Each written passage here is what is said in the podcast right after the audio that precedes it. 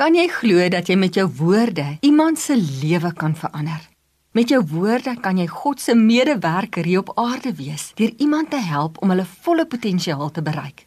Die woord vir opbou in Grieks is oikodomai wat ook met die woord argitek vertaal kan word. So ons kan soos argitekte iemand se lewe opbou met ons woorde. In Spreuke 16 vers 24 staan daar: Aangename woorde is heuning, soet en geneeskragtig vir die mens. Ja, jou woorde is kragtig. Jou woorde tel. Jou woorde kan iemand seën. Jou woorde kan iemand se seer wegvat. Jy kan iemand se dag maak met jou woorde. Jy kan met jou woorde iemand se drome vlerke gee. Jou woorde kan lewegewend wees. Wanneer jy dieper kyk na suksesvolle verhoudinge, sal jy altyd 'n oorvloed van opbouende en bemoedigende woorde hoor. Maar die teenoorgestelde is ook waar.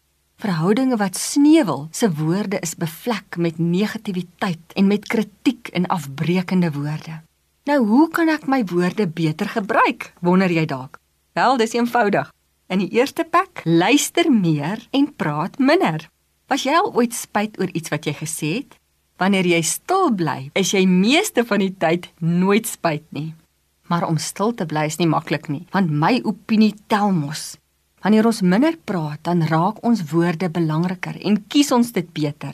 Wanneer ons luister, heg ons waarde aan mense is 'n manier van lief hê.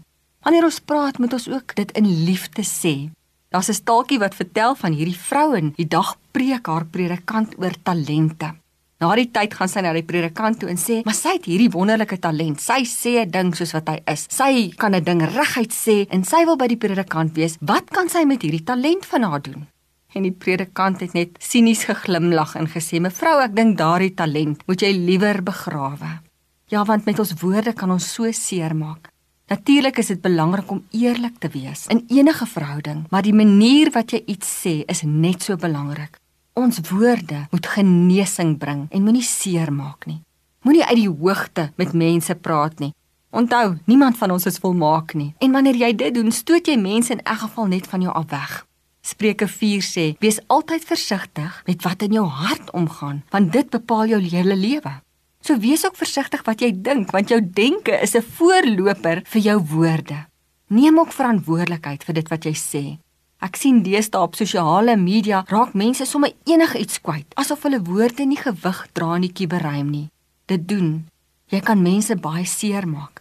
Wees versigtig. Ek nooi jou uit om hierdie dag en hierdie week te luister na wat jy sê Ek nooi jou uit om met jou woorde mense se lewens op te bou en nie af te breek nie.